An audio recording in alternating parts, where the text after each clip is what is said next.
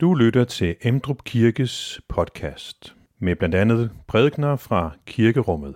Du kan læse mere om Emdrup Kirke på emdrupkirke.dk.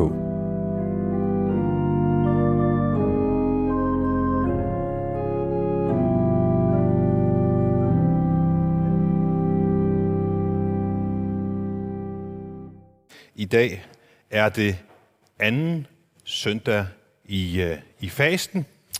Og øh, i dag så skal vi øh, høre en beretning, som Markus fortæller os, der sker efter, at Jesus og tre af hans disciple har været på forklarelsens bjerg. Så kommer de ned fra bjerget igen, og der løber de ind i den barske virkelighed. En øh, desperat far, der kommer for at bede om, om hjælp til sin besatte søn. Og øh, der bliver en, en troskamp. Han siger, jeg tror, hjælp min vantro. Eller vi kan omformulere det, jeg tror, hjælp mig af med min vantro. Det skal vi være sammen om, når vi kommer til prædiken.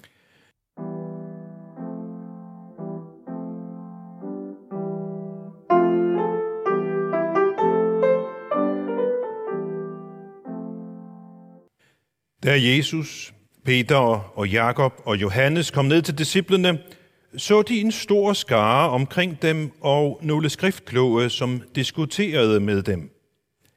Hele skaren blev grebet af ærefrygt, straks de fik øje på Jesus og løb hen for at hilse på ham.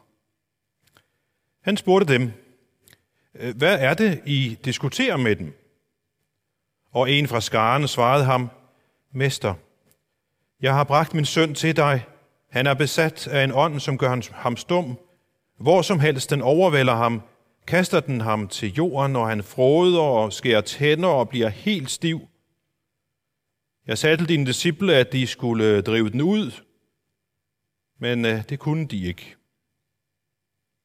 Der udbrød Jesus, du vantro slægt, hvor længe skal jeg være hos jer, hvor længe skal jeg holde jer ud? Kom herhen med ham. Så bragte de ham hen til Jesus. Men da ånden så ham, rev og sled den straks i drengen, så han faldt om på jorden og lå og frodede og vred sig. Jesus spurgte hans far, hvor længe har han haft det sådan? Han svarede, fra han var barn. Og han har mange gange kastet ham, både i ild og vand, for at gøre det af med ham, men hvis du kan gøre noget, så forbarm dig over os og hjælp os. Jesus sagde til ham, hvis du kan. Alt er muligt for den, der tror. Straks råbte drengens far, jeg tror, hjælp min vantro. Da Jesus så, at en skare stimlede sammen, truede han af den urene ånd og sagde til den, Du stumme og døve ånd, jeg befaler dig, far ud af ham, far aldrig mere ind i ham. Da skreg den og rev og sled i ham og for ud. Og han blev som død. Så alle sagde, han er død. Men Jesus tog hans hånd og fik ham til at rejse sig op. Da Jesus var kommet inden døre og var alene med sine disciple, spurgte de ham, hvorfor kunne vi ikke drive den ud? Han svarede dem, den slags kan kun drives ud ved bøn. Amen.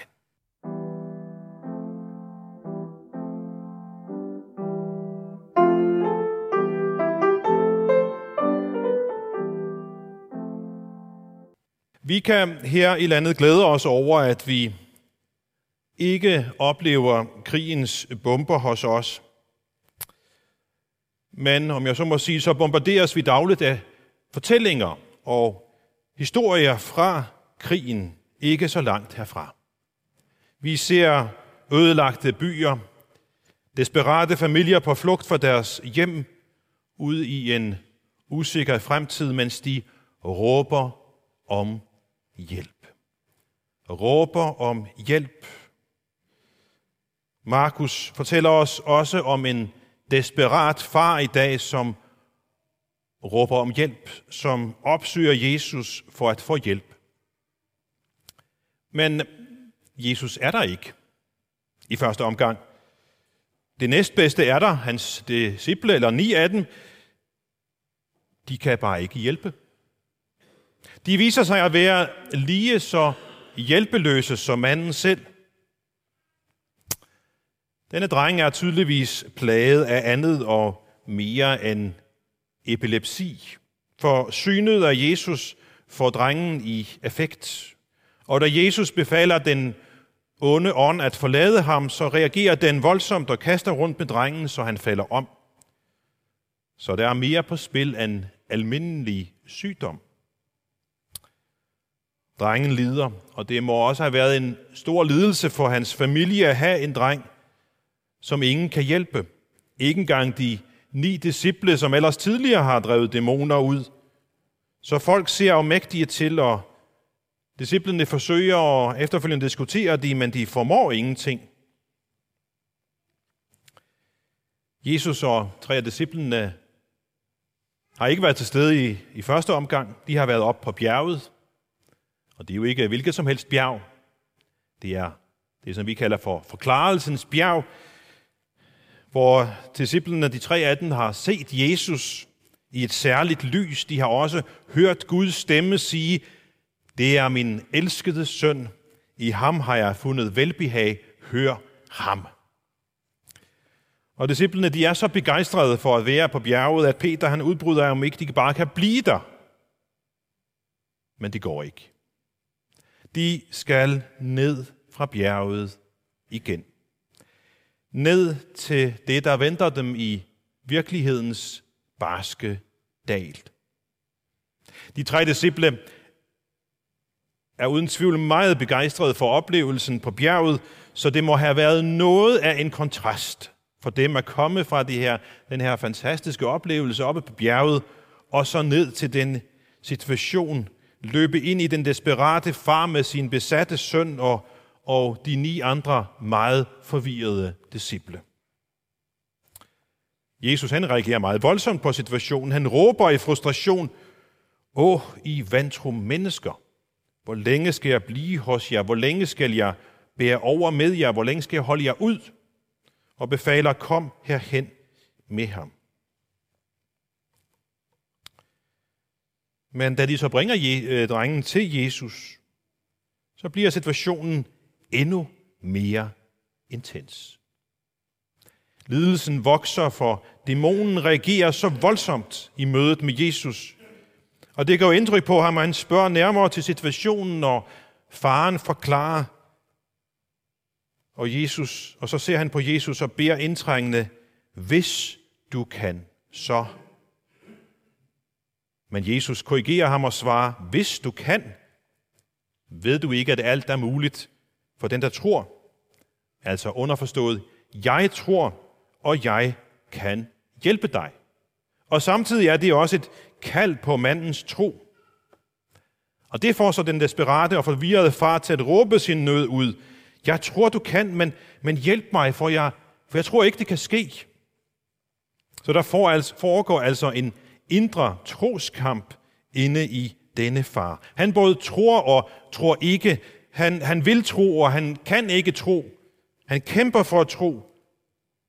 Og med den vaklende tro trodser han sin iboende vantro. Troen er, kan altså være til stede i hård kamp med sin modsætning, vantroen men ind i den tro hos faren, og ud af sin egen tro, så sætter Jesus drengen fri. Og disciplene de står forvirret tilbage, og må senere spørge Jesus, jamen, hvorfor kunne vi ikke? Og Jesus må forklare dem, at den slags skal kun, kan ikke drives ud ved andet end ved, ved bøn.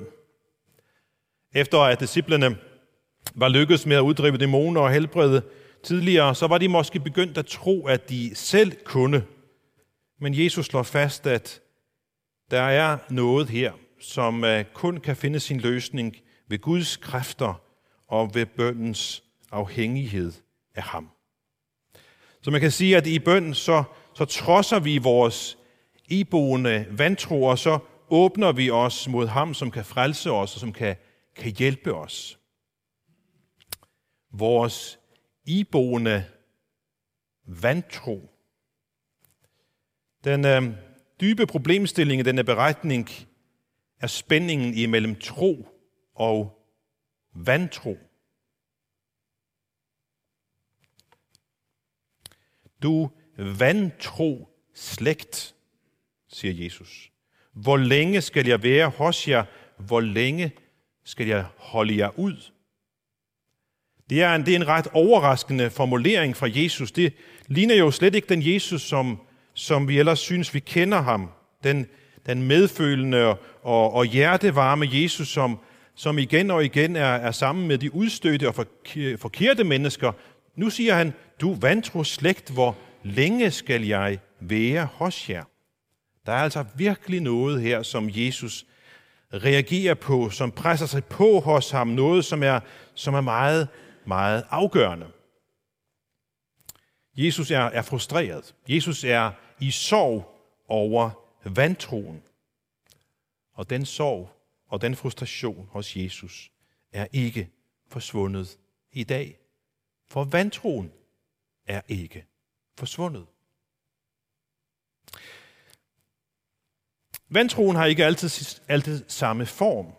Den har tendens til at tage form af tiden og, og, og kulturen. I vores tid og i, i, øh, i vores øh, kultur, så er vantroen meget præget af en mange år i øh, tros kritik. Vi kan også kalde det for at øh, et mangeårigt fælles tros tab i vores kultur. Vantroen den kan have den ligesom mere direkte ateistiske form, at Gud findes ikke. Men vantroen kan også have mange forskellige andre afskygninger, hvor der måske er, er plads til, til, til lidt tro, til lidt øh, religiøsitet, måske i form af formuleringer som, jo, der er mere mellem himmel og jord, anden, men øh, alt i alt mener man, at man kan forklare det meste. Så Gud og, og det guddommelige, det må vi ligesom parkere over på et afsides liggende sidespor. Der, hvor man parkerer alt det uforklarlige. Men, men der mener man heller ikke, at man behøver at parkere så meget, fordi vi jo kan forklare næsten alt, mener man også det onde og den onde. Forklaringen på den onde rummer i, et, i vores almindelige kulturtænkning bestemt ikke noget så utænkeligt som, at den onde kan være en person. Med navne som djævlen eller satan, eller hvad man ellers kalder ham i Bibelen – de fleste vil karakterisere det som en slags middelalderlig overtro. Der er plads til ordene i sproget. Det er der. Men øh, det fungerer mest som hjælpeord for at give sætningen kulør og måske vægt. Ordene anvendes næppe som udtryk for, at de skal repræsentere en virkelig virkelighed. Men er ondskaben en virkelig virkelighed? Og er den onde en personlig, virkelig virkelighed? Inden den overvejelse, så er det interessant at læse et interview, som var i Kristel Dagblad her forleden. Det handler om en film, der kommer på øh, i biografen nu i den kommende uge, så vidt jeg kunne øh, se. Det er en film, som øh, instruktøren Christian Taftrup har lavet sammen med sin, sin bror, det er en noget så eksotisk som en bibelinspireret inspireret gyserfilm. En bibelinspireret gyser. Og så er det interessant, hvad overskriften over interviewet blev. Der står, du skal ikke bare stå og smile af djævlen. Du skal ikke bare stå og smile af djævlen, blev overskriften på interviewet. Og så siger han, hvis vi læser den øh, underoverskriften, man kan blive så optaget af at være høflig, at man glemmer at sige fra over for ondskab, mener filminstruktøren Christian Taftrup, som er aktuel med den her bibelinspirerede gyser, Speak No Evil. Lad os lige kigge, hvad der står under hans billede. Billedteksten er, filmen angriber den fortrængning af ondskaben, der findes i Vesten. Jeg kan ikke svare på, hvorfor ondskaben findes, eller hvad man stiller op med den. De sikre svar havde jeg kun dengang jeg kom i Pinsekirken. Nu nøjes jeg med at stille spørgsmålene, siger filminstruktøren Christian Taftrup. Og så senere kommer han med også med en meget tankevækkende formulering. Han siger,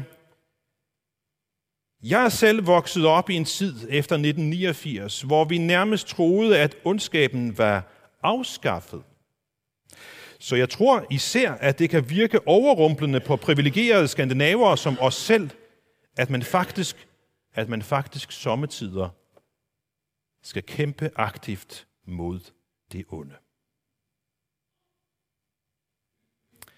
Christian Taftrup nøjes med at stille spørgsmålene, siger han.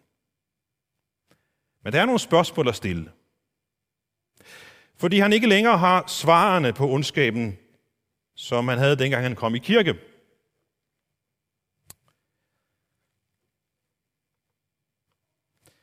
Er den onde, med de navne, vi nu kan bruge om ham, kun blevet til, fordi mennesket manglede en forklaring på ondskab.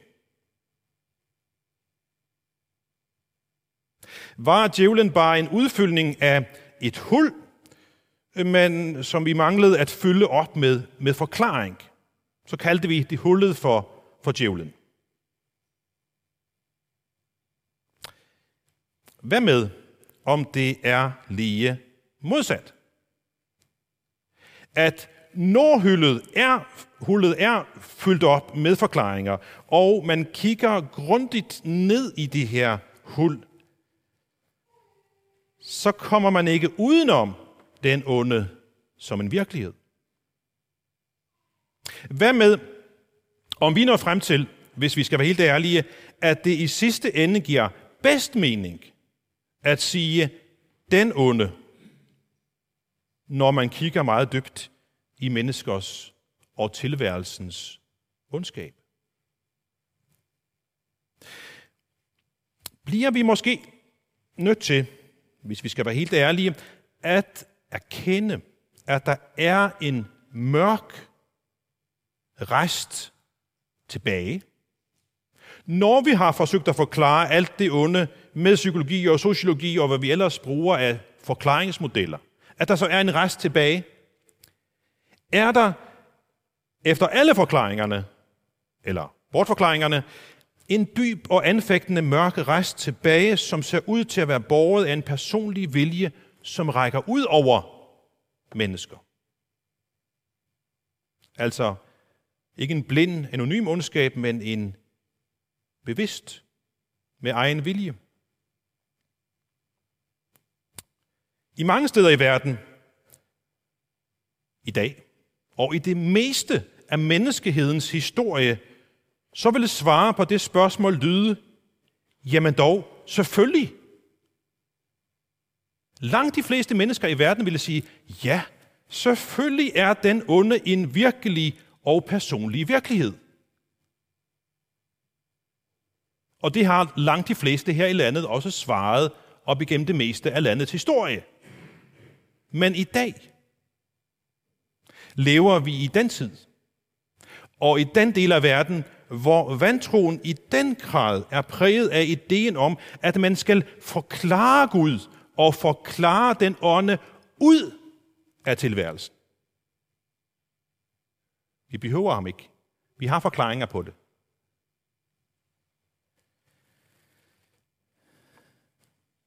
Er vi ivrige efter at forklare Gud ud af tilværelsen? I ugens løb så faldt jeg over en interessant måde at udtrykke det på.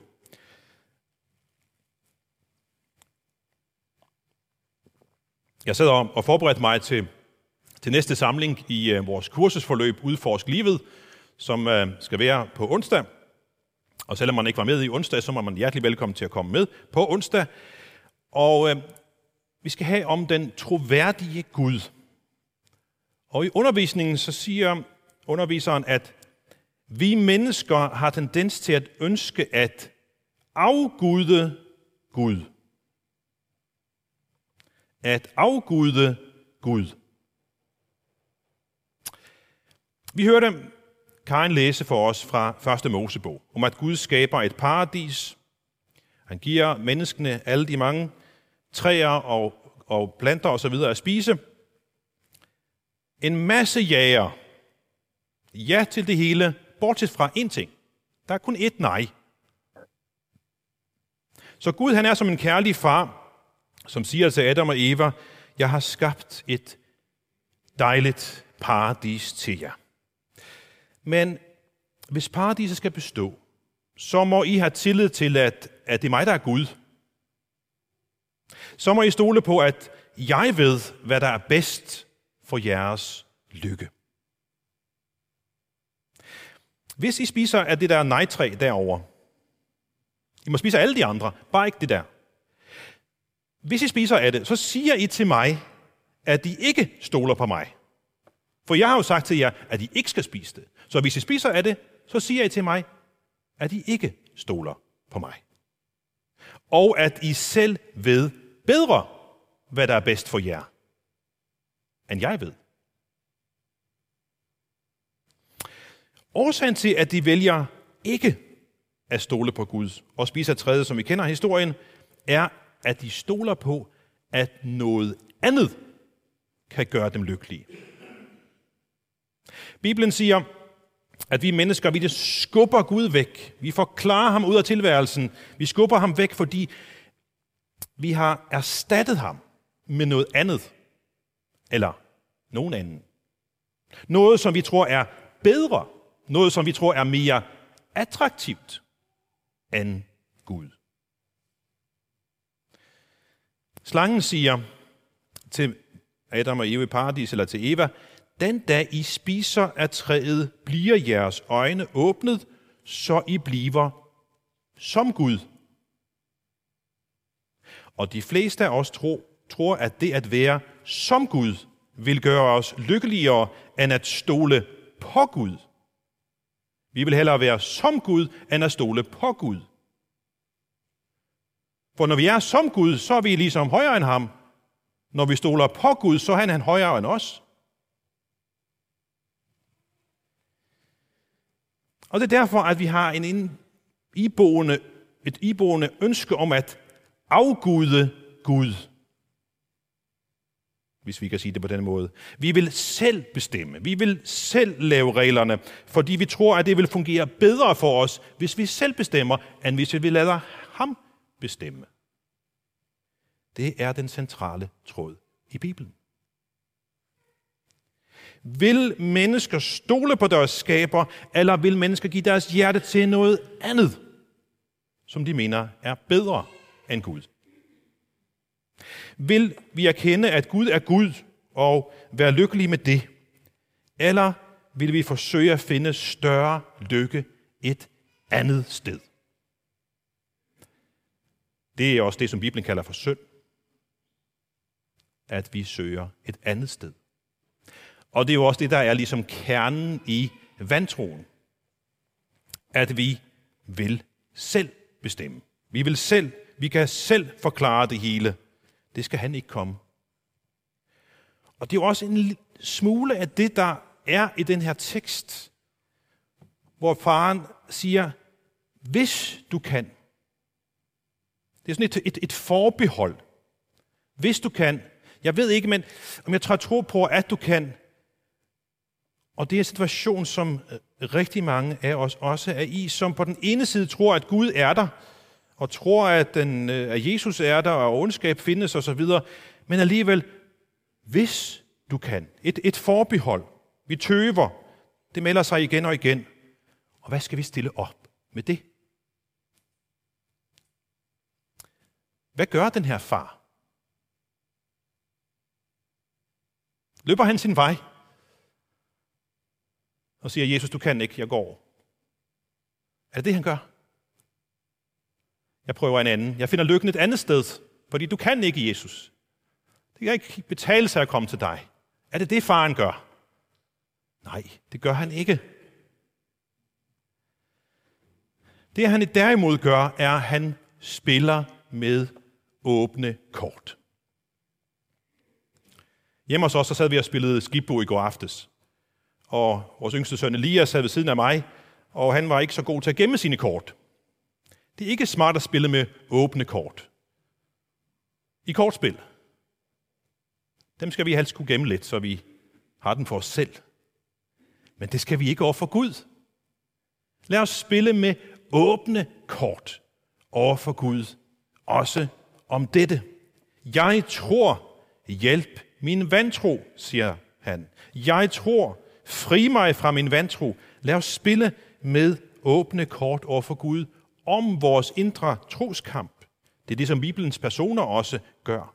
Jeg tror, hjælp mig af med min vantro. Det er at spille med åbne kort over for ham. Vi skal ikke, vi skal ikke dyrke vantroen. Vi skal ikke øh, stille os tilfreds med forbeholdet, med den vaklende tro, med vores tvivl og sige, hvis du kan. Nej, vi skal heller ikke fortrænge den. Vi skal ikke gemme den af vejen og, og lade som om, at vi ikke har noget problem med det. Vi skal spille med åbne kort over for Gud. Hele livet. Og sige, jeg tror, Jesus. Hjælp mig af med min vantro. Hjælp mig. Og hvad gjorde Jesus? Han hjalp denne stakkels far. Faren fik det, han bad om. Jesus hjælper også os. Så lad os spille med åbne kort. Jesus, jeg tror. Men inde i mig bor der så sandelig også en vantro. Hjælp mig af med den. Amen. Find flere podcast og læs mere på emdrupkirke.dk